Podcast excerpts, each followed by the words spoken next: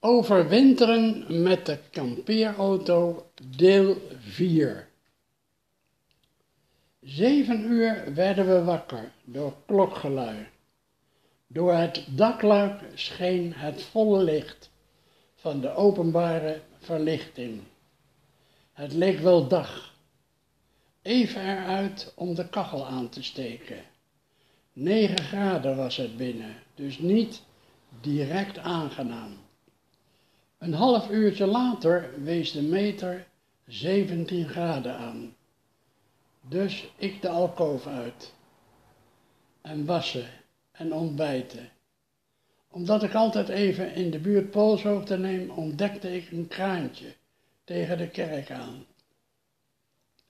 Snel water bijgetankt. En rijden maar weer. De reis naar de Spaanse grens verliep vlotjes. De saaie weg van de vorige dag had plaatsgemaakt voor een zacht, glooiend landschap. De kuststreek vanaf Bayonne over de N10 tot aan de grens is welvarend. Je kunt dat aan alles zien. Veel hotels, mooie wegen, goed verzorgde huizen en veel luxe. Zomers zal het hier wel een gekkenhuis zijn. Net over de grens bij Hendé, Behovia, hebben we peseta's uit de muur getrokken en meteen maar getankt. De lucht was inmiddels dichtgetrokken. Donkere wolken pakten zich boven de Pyreneeën samen. De N121A was bochtig en smal. Het vrachtverkeer dende er erop los. Als er zo'n camion achter je zit, rij je echt niet rustig. Maak maar liever even plaats. Dat is goed voor je gemoedsrust. In het plaatsje Narbarte hebben we de lunch gebruikt. De temperatuur was gezakt naar 5 graden. Door de stevige bergwind voelde dit wel onder nul aan. Toch maar weer snel het kacheltje aan. Even over twee de weg vervolgd. De wind wakkerde aan. De zon brak door de wolken. Het kwik steeg snel naar 11 graden. Spoedig zaten we op de rondweg om Pamplona.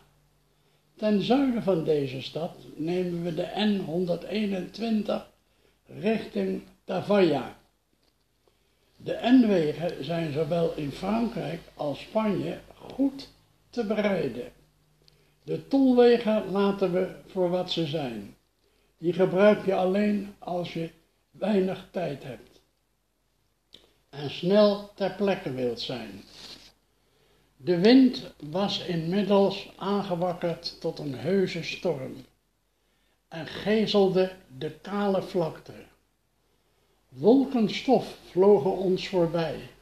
Hevige rukwinden trokken aan de camper. Je moest het stuur stevig vasthouden om niet de kans te lopen van de weg geblazen te worden. Na de Rio Ebro kom je op de N113 en bij de volgende grote kruising pakten we de N232 op, richting Zaragoza. In het stadje Mayen wees de teller 278 kilometer aan. Het was half zes, dus tijd om een overnachtingsplek te zoeken. Wij staan altijd vrij, wij willen niet op een camping, dus dat is wel makkelijk. In een sober Spaans woonwijkje aan de Calle Principe de Viana, naast een blinde muur, hebben we de wagen neergezet. Kleine eenvoudige huisjes waarvan sommige met Wijnranken stonden aan weerscheiden van de straat. Een vreemde gewaarwording was het feit dat voor de buitendeur van diverse woningen een donker gordijn hing. Dat wapperde in de stormachtige wind. Na het avondeten zijn we vroeg te bed gegaan. Ons campertje stond in het volle licht. Einde vierde deel.